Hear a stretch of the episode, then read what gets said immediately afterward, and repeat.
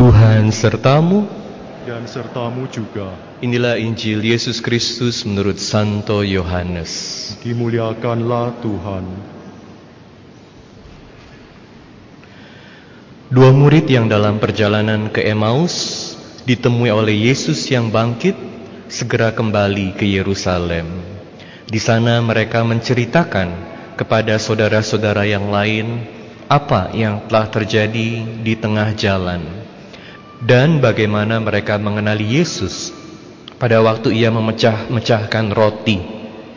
Sementara mereka bercakap-cakap tentang hal itu, Yesus tiba-tiba berdiri di tengah-tengah mereka dan berkata, "Damai sejahtera bagi kamu."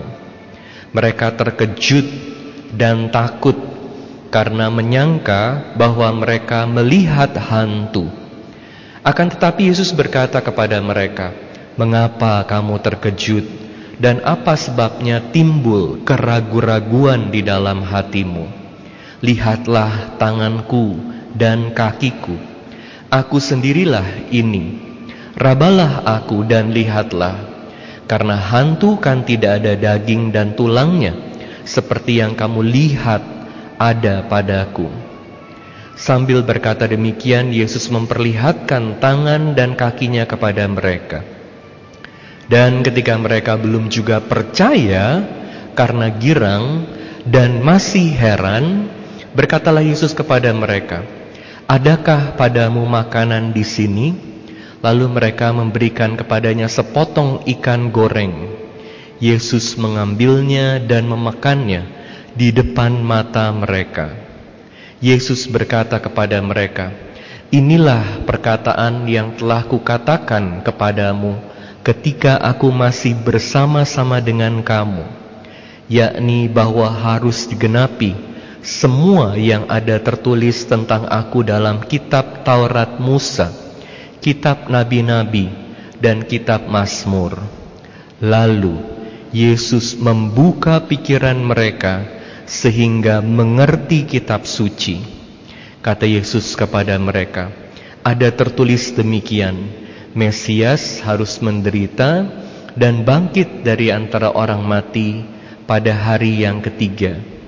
Dan lagi dalam namanya berita tentang pertobatan dan pengampunan dosa harus disampaikan kepada segala bangsa mulai dari Yerusalem. Kamu adalah saksi dari semua itu. Demikianlah Injil Tuhan. Terpujilah Kristus. Yesus membuka pikiran mereka dan mereka mengerti arti dari kitab suci. Saudara-saudari sekalian terkasih dalam Kristus, kita masih berada dalam masa Paskah dan kita terus diingatkan akan Yesus yang bangkit.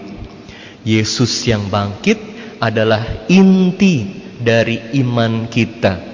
Karena Yesus yang bangkit ini yang berkuasa atas kehidupan dan kematian.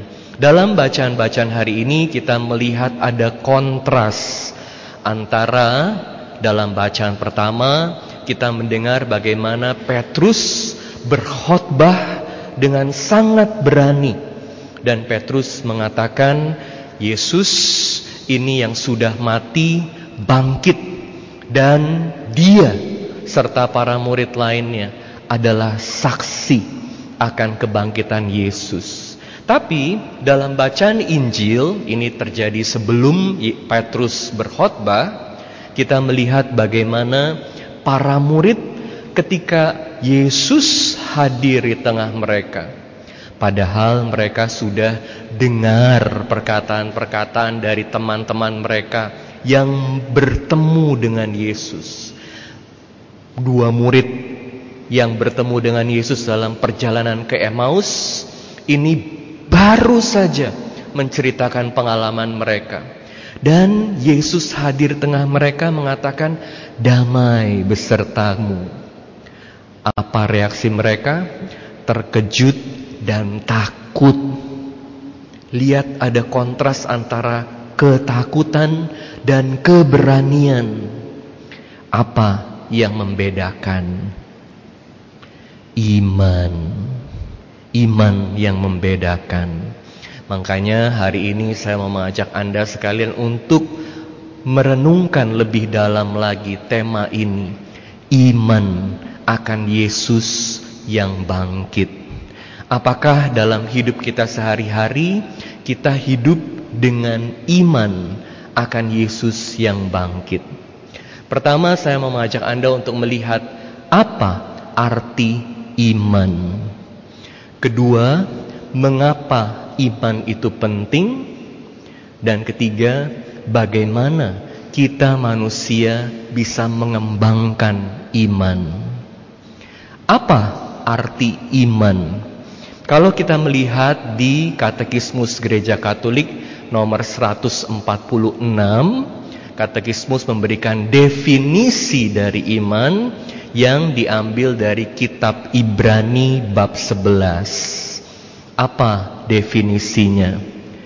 Iman adalah dasar dari segala pengharapan dan bukti dari segala sesuatu yang tidak kelihatan.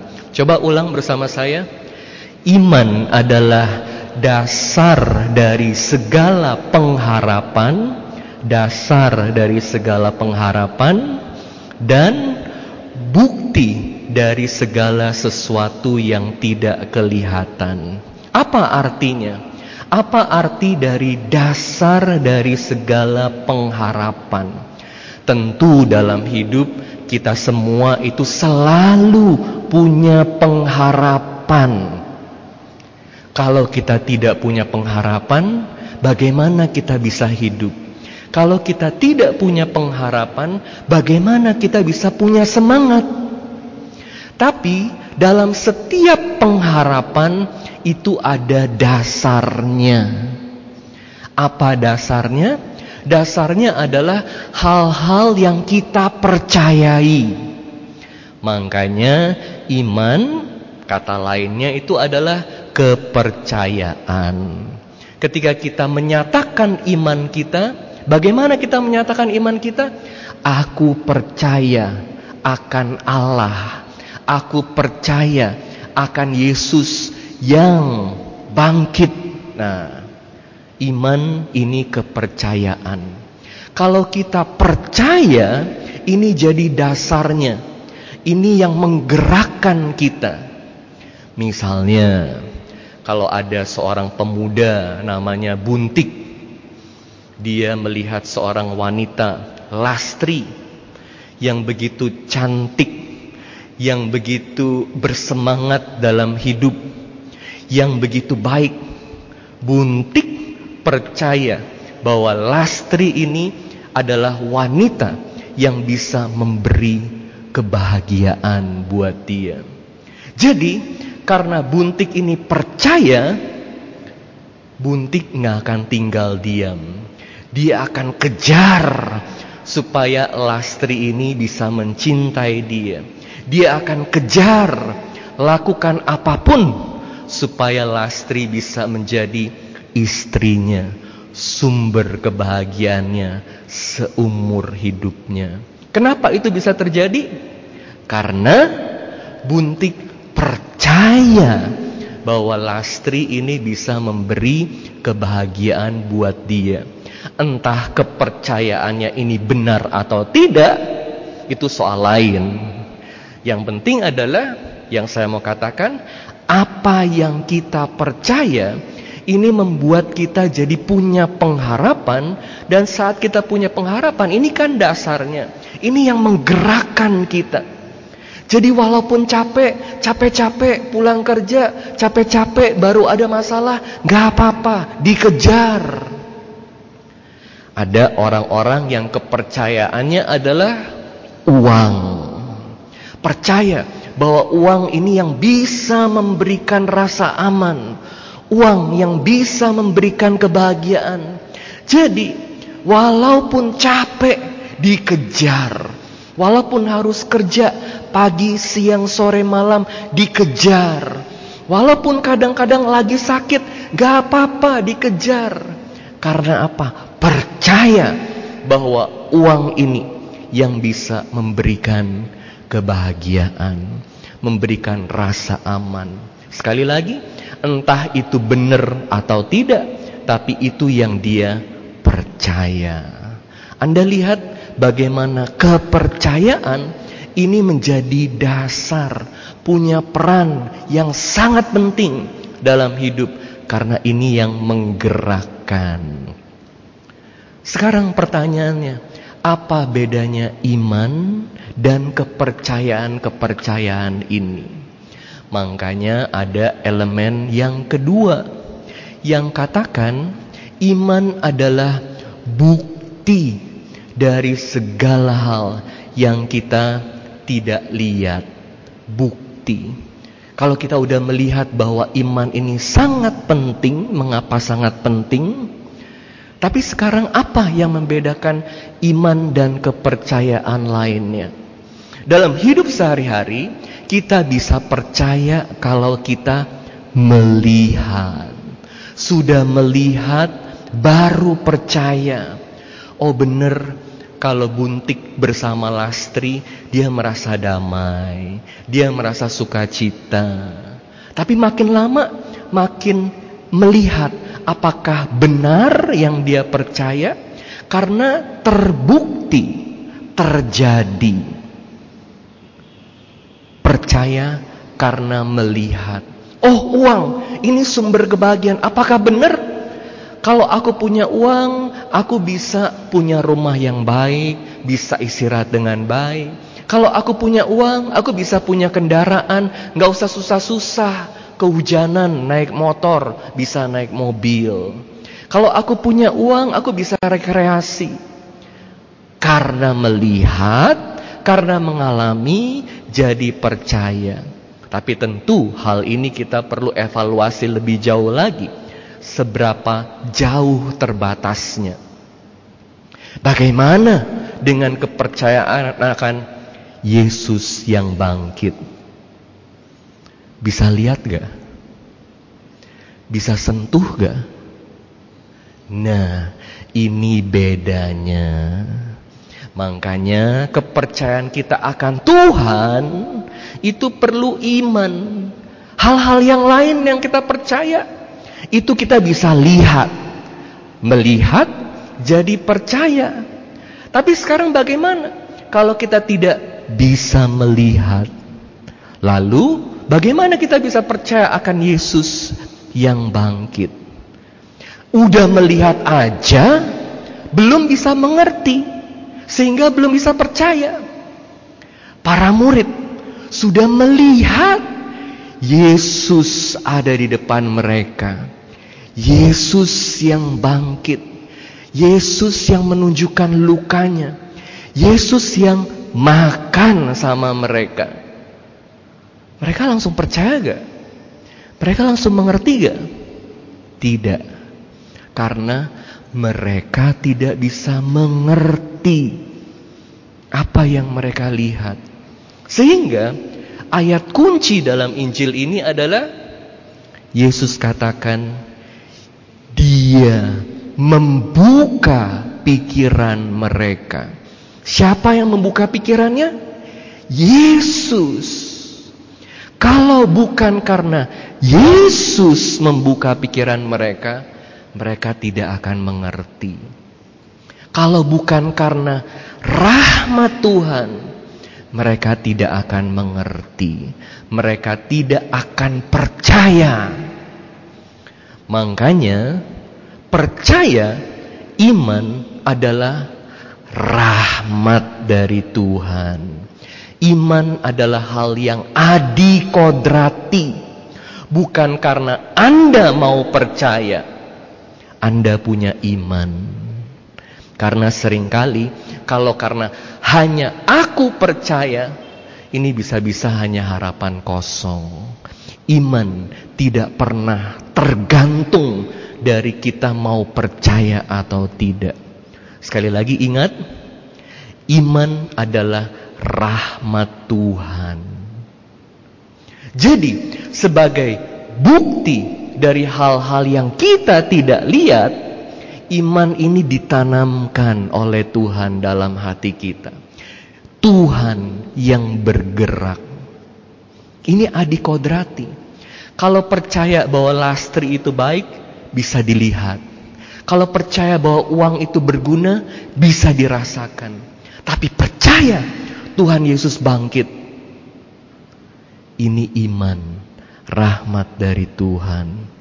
Jadi kalau ini adalah rahmat dari Tuhan Romo, kita manusia bisa buat apa? Nah ini pertanyaannya. Kita manusia bisa buat apa? Poin saya yang ketiga. Kita bisa terus membuka hati supaya Tuhan memberikan rahmat iman kepada kita. Kita bisa terus mohon kepada Tuhan. Seperti dikatakan dalam Mazmur tanggapan, bercahayalah untuk kami.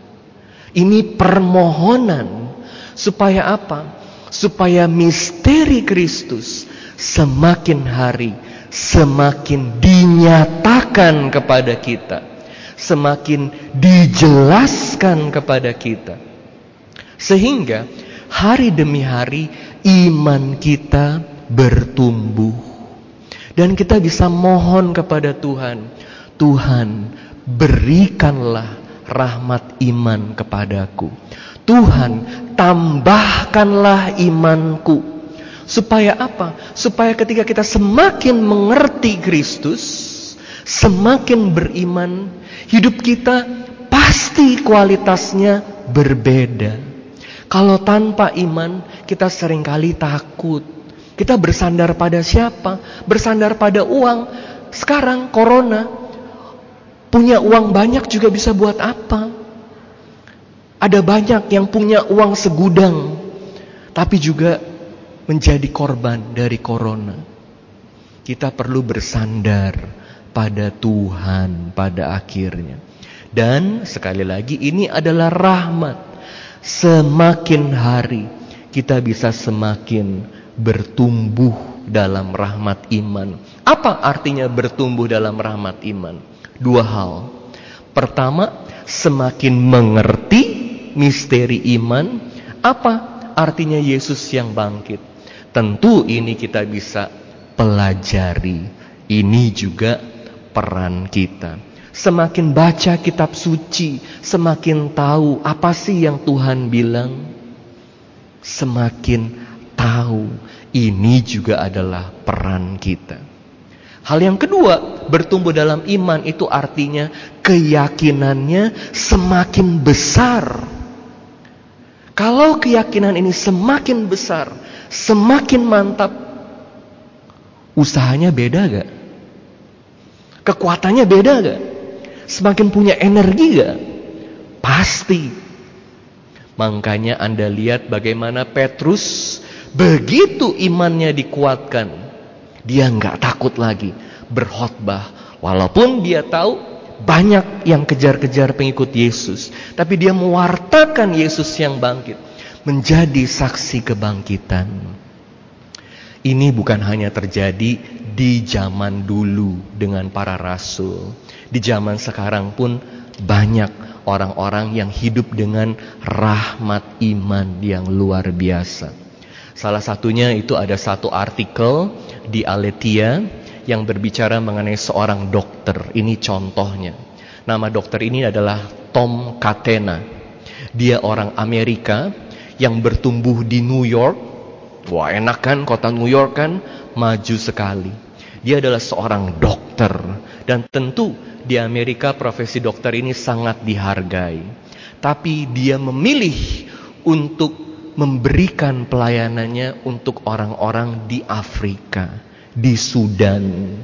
Dan Anda tahu apa yang terjadi di Sudan?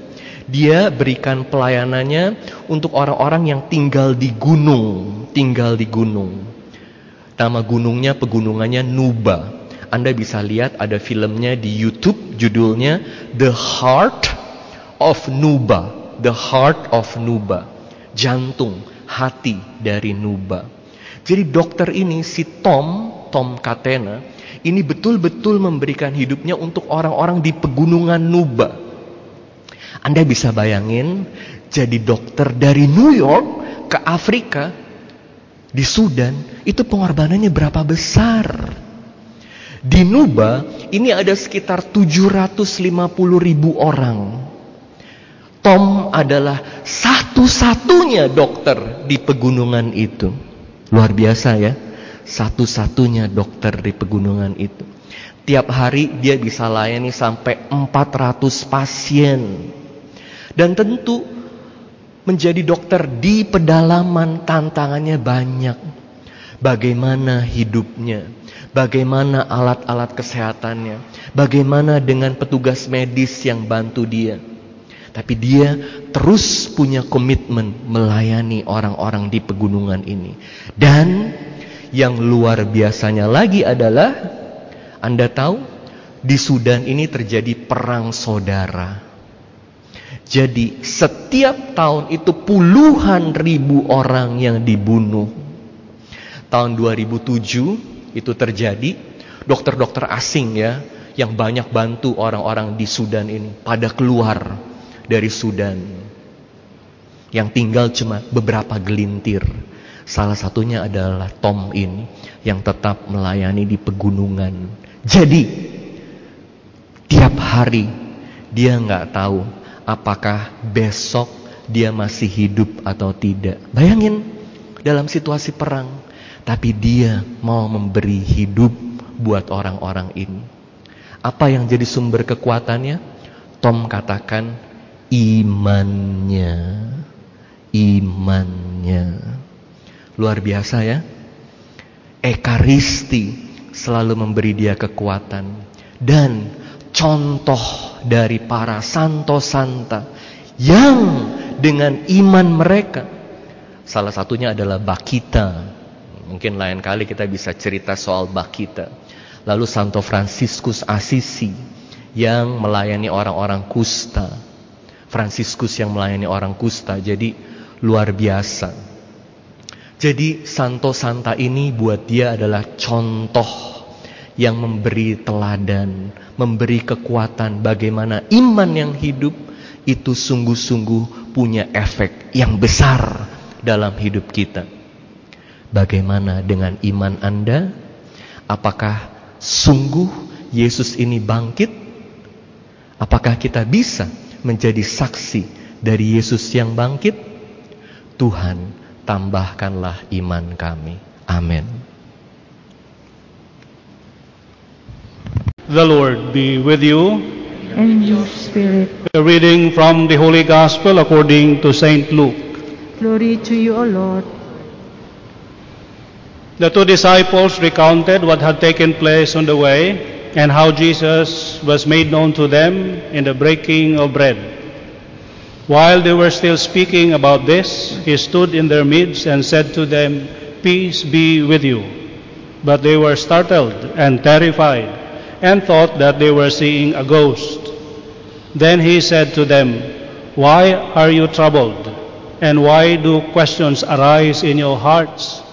Look at my hands and my feet that it is I myself. Touch me and see, because a ghost does not have flesh and bones, as you can see I have. And as he said this, he showed them his hands and his feet. While they were still incredulous for joy and were amazed, he asked them, Have you anything here to eat? They gave him a piece of baked fish.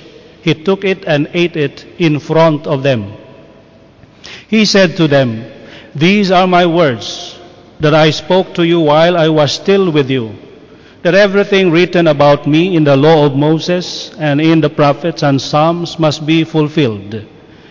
Then he opened their minds to understand the scriptures, and he said to them, Thus it is written that the Christ would suffer and rise from the dead on the third day and that repentance for the forgiveness of sins would be preached in his name to all the nations, beginning from Jerusalem.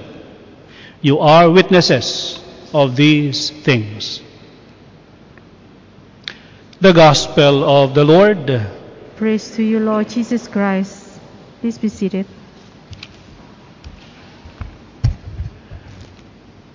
During these days of pandemic, mothers many mothers are very busy.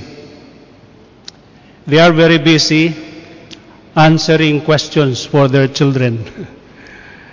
yeah, because now with uh, homeschooling or these online lessons, the mothers practically became the teachers of their kids. And you know, kids, they are kids. they may not really appreciate the value of time yet and diligent study. And that is why, when it's already about deadline time, by force, the mother or the mothers come up with the answers to the questions in the module. Of course, the teachers would know that these are answers of the mothers. Why? Because many of them are wrong. no, uh, because the kids could not really deliver that much. Yeah, but you know that's the that's the that the way now. These uh, times of pandemic. Well, uh, before that, mother simply used to follow up the lessons at school. That's why there is a story of a mother asking her daughter, a six year old, What did you learn at school today? Then the six year old started uh, remembering, yeah, what, what did I? Then uh, her face uh, became serious, really remembering. Then uh, eventually brightened up because she remembered, oh, you know, because for six years old, it's difficult for them to remember three syllabic words uh, like independent. Oh, it's, dif- uh, it's difficult for them. Perhaps depend. Um, they can still remember. So the child remembers, oh, teacher taught us today about being uh, samples of Christ. Samples of Christ. So the mother uh, had difficulty, what shall I say now? Samples, samples of Christ. She could not figure out what was really the lesson, samples of Christ. So the following day, the mother asked the teacher, yeah, you know, I would like to follow up the lessons for the day and ask my daughter, the six year old, uh, what was the lesson yesterday. And she said that you taught them about being samples of Christ. When the teacher heard about this, she laughed. No, no, no, not samples, but disciples disciples of Christ. So the, the little kid could not remember because disciples are three. They are samples. Oh. so the kid was wrong, but she was right. She was wrong because, yeah, really the lesson was about being disciples of Christ, not samples of Christ. But uh, wisdom of kids, yeah, she was right. Because to be a disciple of Christ is to be a sample of Christ to be his representative, to live as he lived. In fact, his invitation or his command for us is to love one another as I have loved you.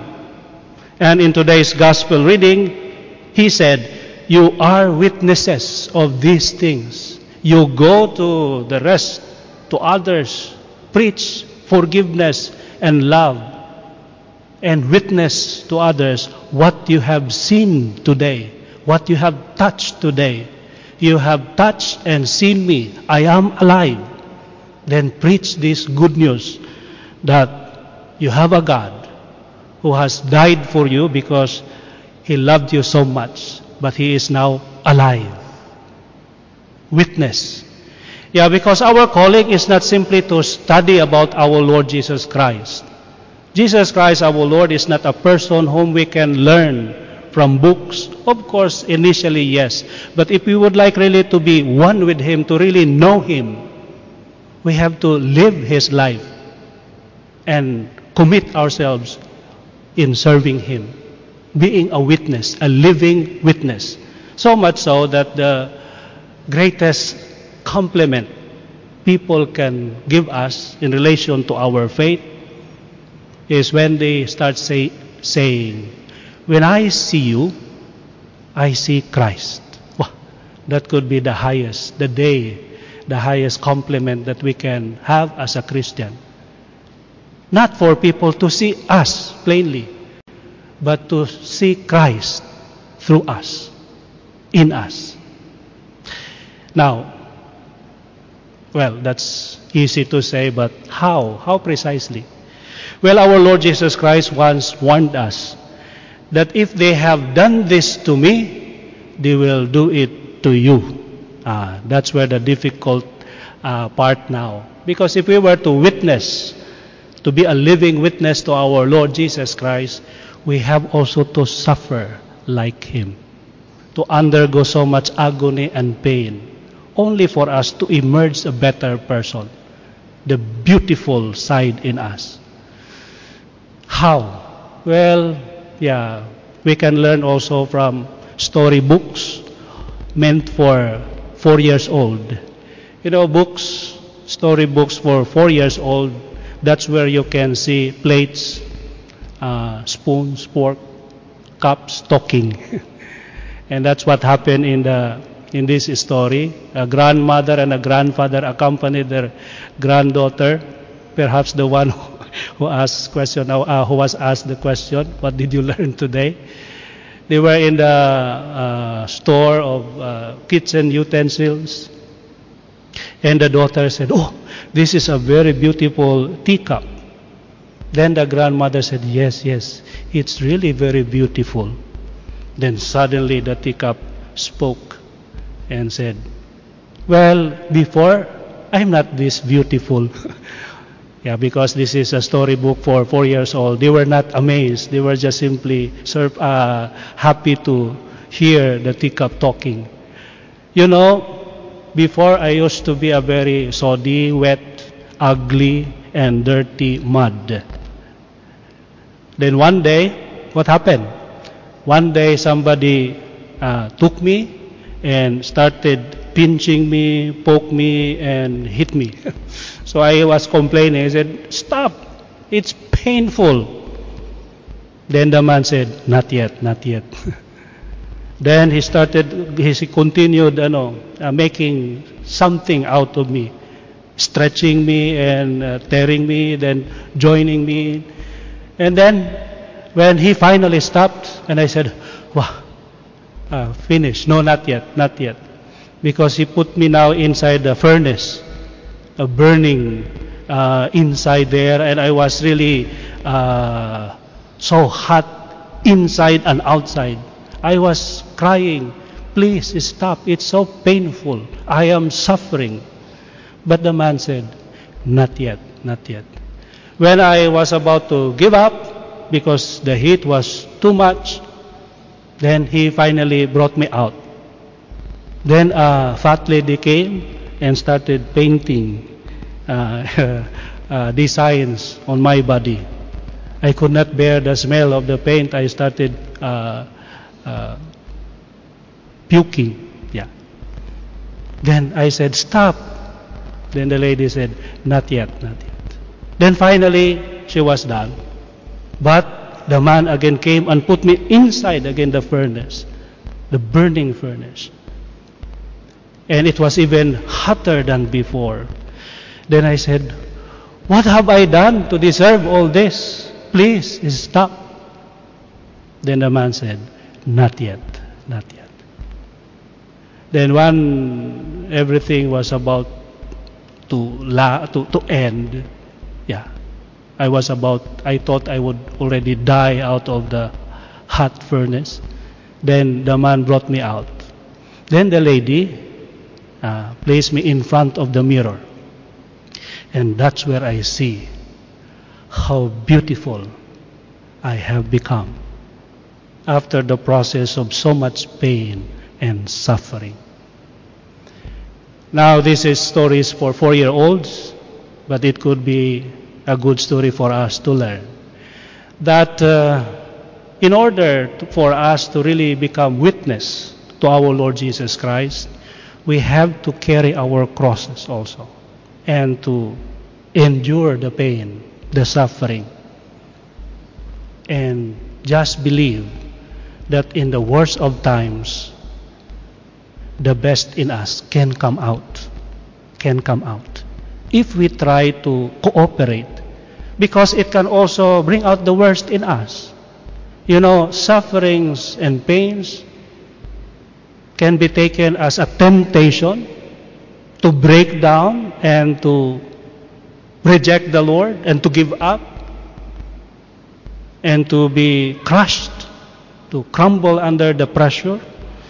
Or it could be also an invitation for us to test ourselves, to practice humility perhaps, forgiveness, because when we give up something like, okay, you still owe me five rupiah, then just keep it. Well, yeah, the person may still be thankful because it's five rupiah, it's still money. But what if we are able, capable of saying, okay, you owe me five million US dollars, you cannot pay it in your lifetime? It's okay. It's okay. Just leave it that way, keep your money, and live your life. The person would be very, very grateful. Meaning, if we can sacrifice to that extent, that is why it's a call to us, call to us to really make good use of these pains, problems, sufferings, as simply a way for us to overcome them and in the process emerge as a better person. And in fact, everything that we do, when there is element of sacrifice, there is also an added value. Added value. In the film Goodwill Hunting, this uh, the Goodwill, yeah, he was a very intelligent mathematician and people really admire him. He said, Well, I cannot really relate with you because, yeah, you might be very amazed because I could answer problems, mathematical problems. You, are, you appreciate it because for you it's difficult, but for me it's easy. Meaning to say, when things are easy, sometimes we don't really value them.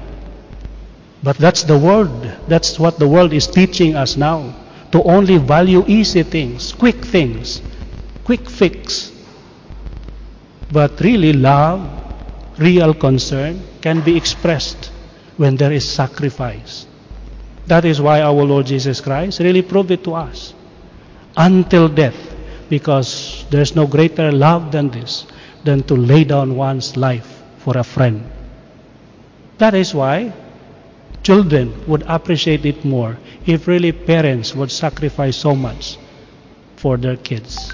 And the kids also can reciprocate by sacrificing also, studying so hard for them to become a better person.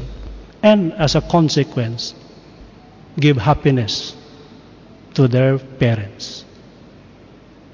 So the last story, this is not anymore for four years old.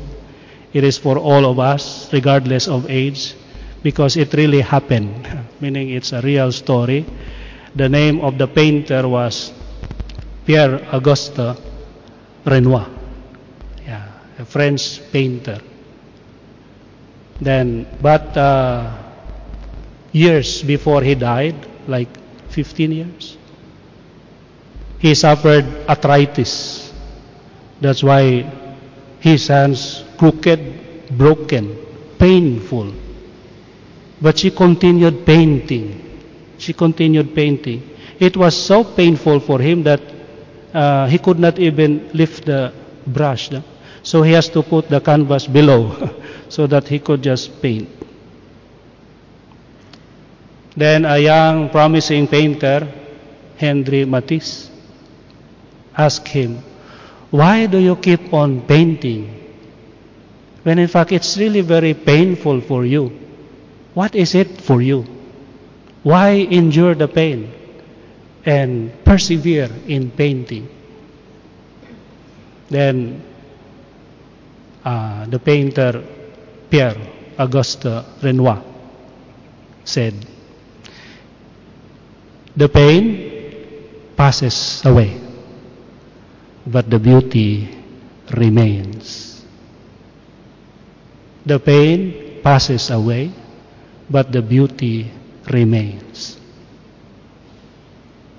looking into the heart of a painter or an artist, for him to stop painting would be more painful, would be more painful, and would be the pain would be lasting if he is not able to express himself in the art, in his creation, because he has that gift.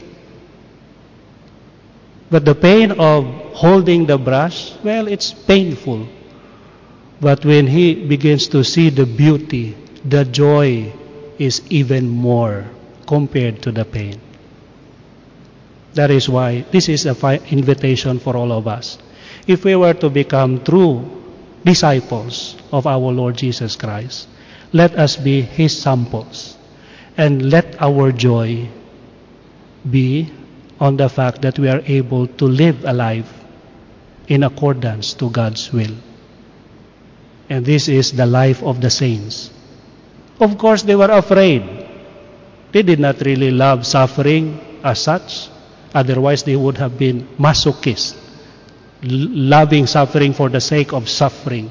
But rather, they endured it. They endured it by focusing their attention and intention to what will come, the joy that comes along with it. San Lorenzo Ruiz was able to utter his famous line simply because of his love for our Lord Jesus Christ. Have I a thousand lives? I'll die a thousand times for Christ. Why? Because his gaze, his eyes, is not set simply on the suffering. He has seen it. That's why at the beginning he said, Yes, yes, release me from bondage. Because the cell guard told him, having seen these tortures, these painful uh, body inflictions, would you like to undergo them? He said, No, no, no.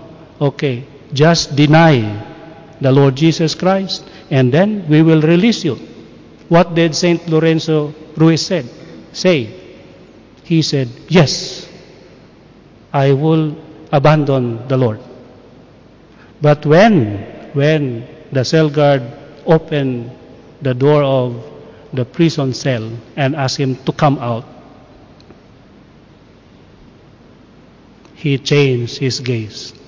Look at the ugliness of suffering and see the beauty of being a martyr. That's why he said, No, no, no. I will not abandon the Lord. I will not give him up. And if I have a thousand lives, I'll die a thousand times for Christ. We can also say that the moment we focus our attention on the beauty that remains, not on the pain that is temporary and will simply fade away. Amen. Tuhan sertamu. Inilah Injil Yesus Kristus menurut Santo Lukas. Dimuliakanlah Tuhan.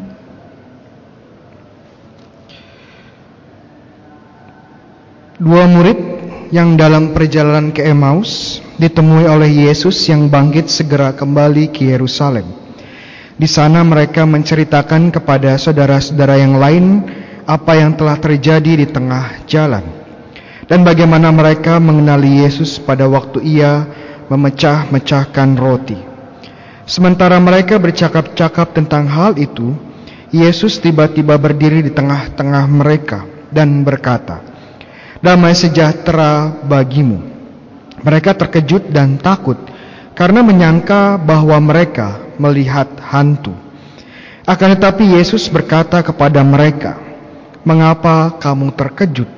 Dan apa sebabnya timbul keraguan-keraguan di dalam hatimu? Lihatlah tanganku dan kakiku. Aku sendirilah ini.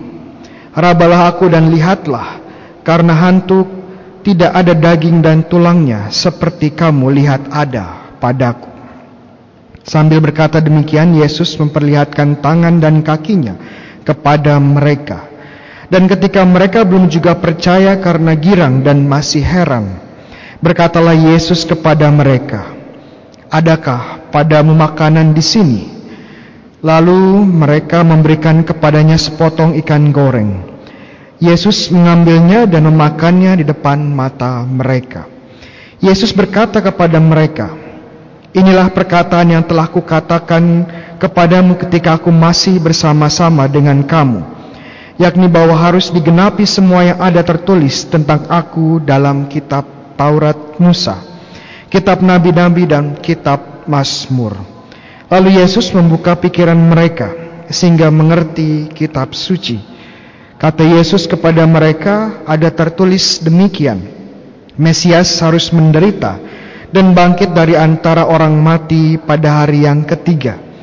Dan lagi dalam namanya berita tentang pertobatan dan pengampunan dosa harus disampaikan kepada segala bangsa, mulai dari Yerusalem. Kamu adalah saksi dari semua ini. Demikianlah Injil Tuhan. Terpujilah Kristus. Saudara-saudari yang terkasih, kita memasuki Minggu Paskah yang ketiga. Jadi kita sekarang masih pada masa Paskah.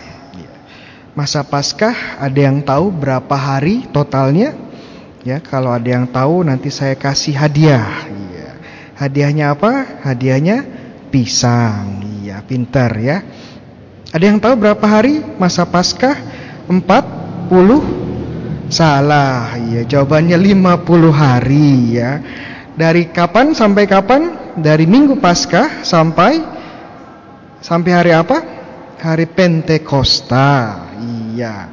Makanya kata Pentakosta itu artinya sebenarnya 50 atau yang ke-50.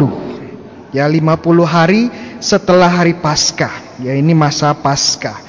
Dan rata-rata bacaan pada masa Paskah, Injilnya secara khusus itu diambil dari Injil Yohanes. Rata-rata ya. Sebagai contoh minggu lalu kita mendengarkan dari Injil Yohanes kisah kebangkitan yang Yesus bertemu dengan Thomas. Dan minggu depan dari Injil Yohanes juga yang berbicara tentang Yesus adalah gembala yang baik ya, minggu panggilan, minggu depan. Tetapi tidak semua tentang Injil Yohanes karena ada pengecualian-pengecualian. Contohnya hari ini, ya hari ini diambil dari Injil Lukas. Bagaimana Yesus yang bangkit menampakkan diri kepada para muridnya di ruang atas. Mungkin pada kesempatan kali ini saya akan sedikit membahas tentang kebangkitan dan tubuh mulia. Ya karena apa? Karena banyak orang Katolik kadang-kadang masih memiliki nosi atau memiliki pengertian yang salah atau kurang pas tentang kebangkitan. Kebangkitan itu apa sih sebenarnya Romo? Ya, untuk mengerti kebangkitan kita harus mengerti tentang kematian. Ya, tentang kematian. Kematian itu apa? Ya. Ada yang sudah pernah mati? Ya. Ada yang sedang mati bisa angkat tangan? Ya. Hidup semua ya, puji Tuhan dia. Kematian ya secara sederhana adalah berakhirnya kehidupan saat berhentinya kehidupan itu kematian ya. dan secara khusus bagi manusia ya bagaimana kita tahu kalau seorang itu sudah meninggal atau sudah mati ya kita tes ya apakah dia benar-benar sudah mati atau belum caranya bagaimana Romo ya kalau ada lihat orang tidak sadar ya coba disiram air dulu ya kalau dia bangun berarti dia masih hidup ya tapi ada cara-cara lain yang lebih manusiawi ya. Bisa dicek ya apakah masih bernafas ya. Bisa dicek denyut nadinya ya. Bisa dicek matanya ya kalau ada dikasih cahaya biasanya matanya pupilnya itu berkontraksi, menandakan masih hidup. Ya tentunya para tim medis ya, tenaga medis, teman-teman medis lebih tahu bagaimana mengecek ya tanda-tanda kehidupan masih hidup atau tidak ya. Tapi itu dari sisi medis, ya. Kematian dari sisi iman adalah saat jiwa itu berpisah dari tubuh atau dari raga. Kan iman kita, iman Katolik berdasarkan kitab suci mengajarkan bahwa manusia itu hidup karena memiliki dua elemen, jiwa dan raga. Ya, jangan lupa itu. Dan saat kita meninggal, wafat, dua elemen ini terpisah. Ya, jiwanya dan raganya. Dan saat terpisah apa yang terjadi? Ya jiwanya mulai ya kembali kepada Tuhan, ya mengalami pengadilan dan tubuhnya kembali kepada bumi. Dekomposisi, ya. Nah, dari sini kita bisa lihat arti dari kebangkitan, yaitu kembalinya atau bersatunya kembali jiwa dan raga, jiwa dan tubuh yang terpisah oleh kematian. Itu dia. Kebangkitan adalah bersatunya kembali tubuh dan jiwa yang sudah terpisah oleh kematian. Dan pada kesempatan Injil hari ini Tuhan Yesus ingin menunjukkan bahwa dia sungguh-sungguh bangkit. Makanya waktu para murid berkata, "Wah, kita melihat hantu," ya. Ya. Roh gentayangan. Yesus bilang langsung, "Bukan, saya bukan hantu." Kenapa? Karena saya punya tubuh. Tidak hanya rohnya, tidak hanya jiwanya saja. Kemudian Yesus bilang kepada para murid, silahkan cek luka-luka saya. Kenapa tubuhnya perlu ada luka dan dicek? Karena Yesus ingin menunjukkan bahwa ini adalah tubuh yang sama dengan tubuhnya yang disalib. Yang hadir di depan mereka, para rasul, itu sungguh Yesus, bukan penipu. Bukan Romo Bayu, ya. Bukan Romo Adrian. Tapi sungguh Yesus yang disalib, dikuburkan, bangkit dan menemui para murid. Dan Yesus pun minta makan, ya bukan karena Yesus lapar, ya tidak, tapi membuktikan bahwa tubuhnya sungguh hidup dan dapat melakukan aktivitas orang-orang yang hidup, ya seperti makan, minum, bernafas. Ya, jadi sungguh Yesus hidup kembali, bangkit dengan tubuhnya yang sama. Kemudian pertanyaan yang lebih menarik ya. Romo apa bedanya kebangkitan Yesus dengan kebangkitannya Lazarus?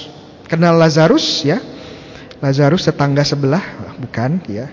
Kalau kita kembali ke Yohanes 11, Yesus itu membangkitkan saudaranya siapa? Lazarus saudaranya siapa? Ada yang tahu? Pisang dua, Maria dan Marta, iya pinter-pinter ya umat RM ya. Maria dan Marta ini di Yohanes 11 wafat dan sudah dikubur. Dan Yesus bangkitkan Lazarus ini. Pertanyaannya, apa bedanya kebangkitan Yesus dengan kebangkitan Lazarus?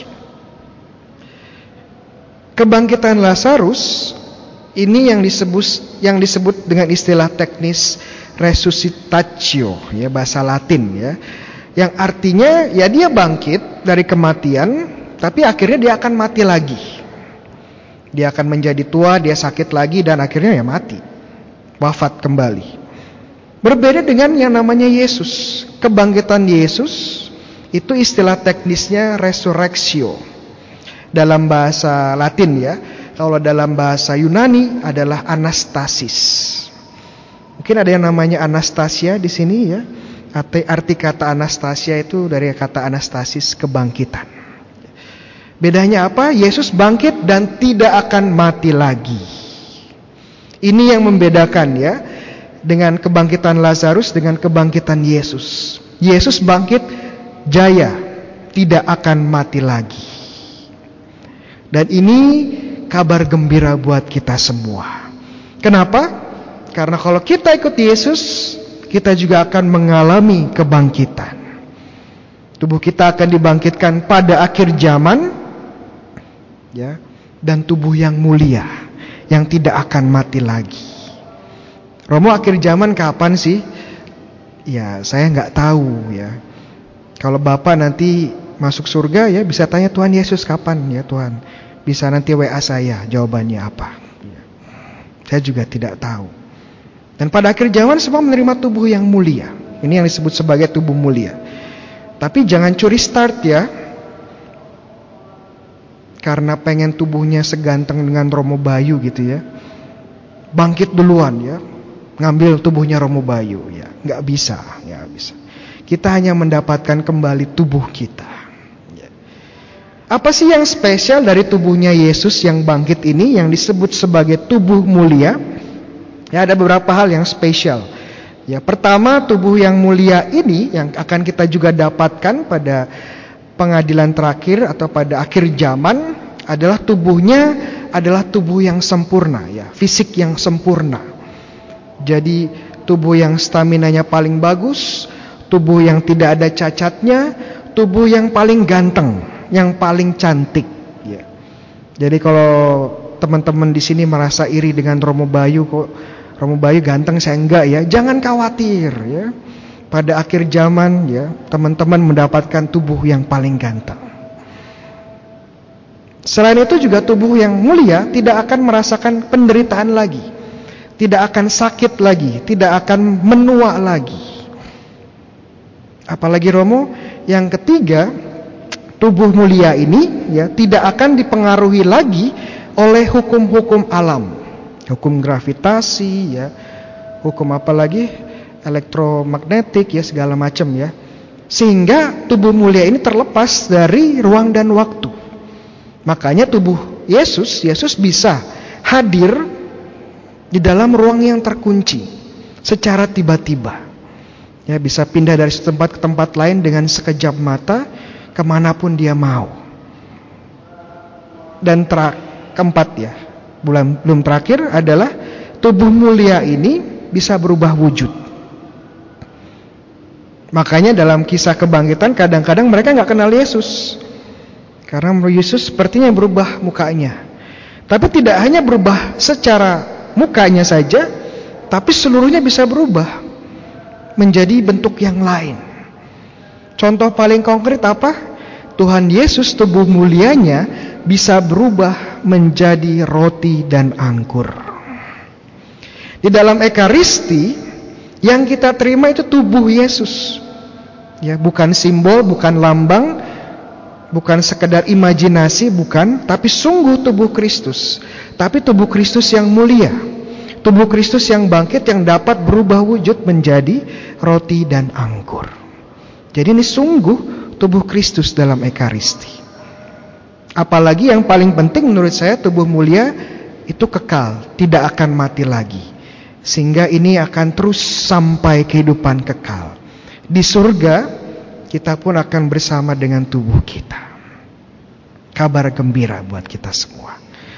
Kenapa sih Tuhan ingin kita tubuhnya bangkit lagi? Ya, kenapa demikian? Enggak cukup dengan jiwanya, ya. Kenapa iman Katolik mengajarkan kebangkitan badan? Ya kalau kita bandingkan dengan agama lain tidak ada seperti ini. Kenapa Tuhan ingin kita bangkit ya dan masuk surga dengan tubuh kita? Jawabannya kembali ke perjanjian lama.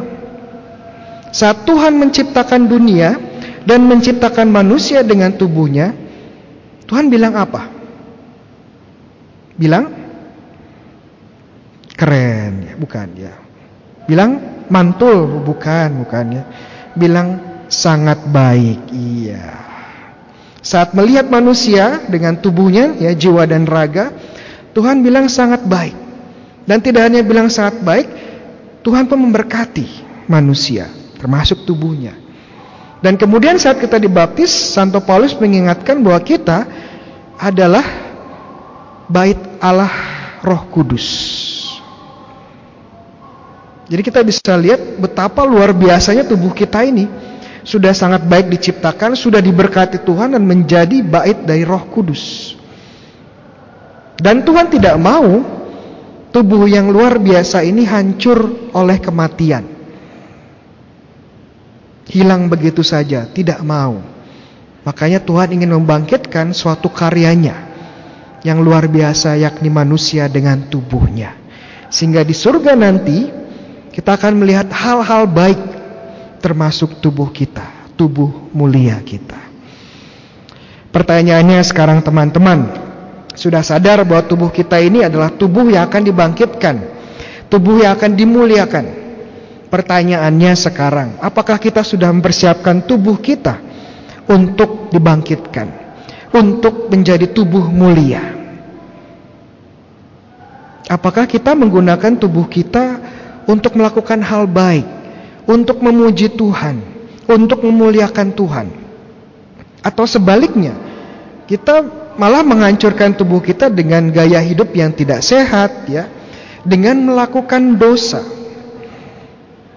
Dosa itu menghancurkan tubuh loh. Contoh sederhana, kerakusan. Kita hanya mau makan terus dan terus ya.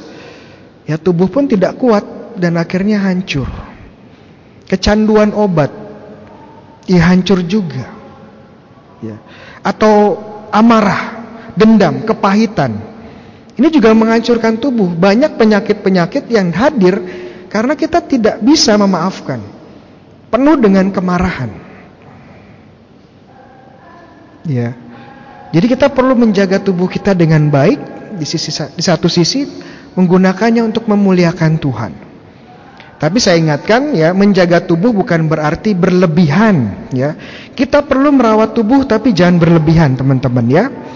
Jadi sudah setiap hari ya pakai produk-produk beauty produk, produk kecantikan ya setiap hari.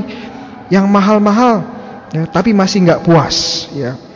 Pergi ke derma tiap minggu ya. Masih nggak puas.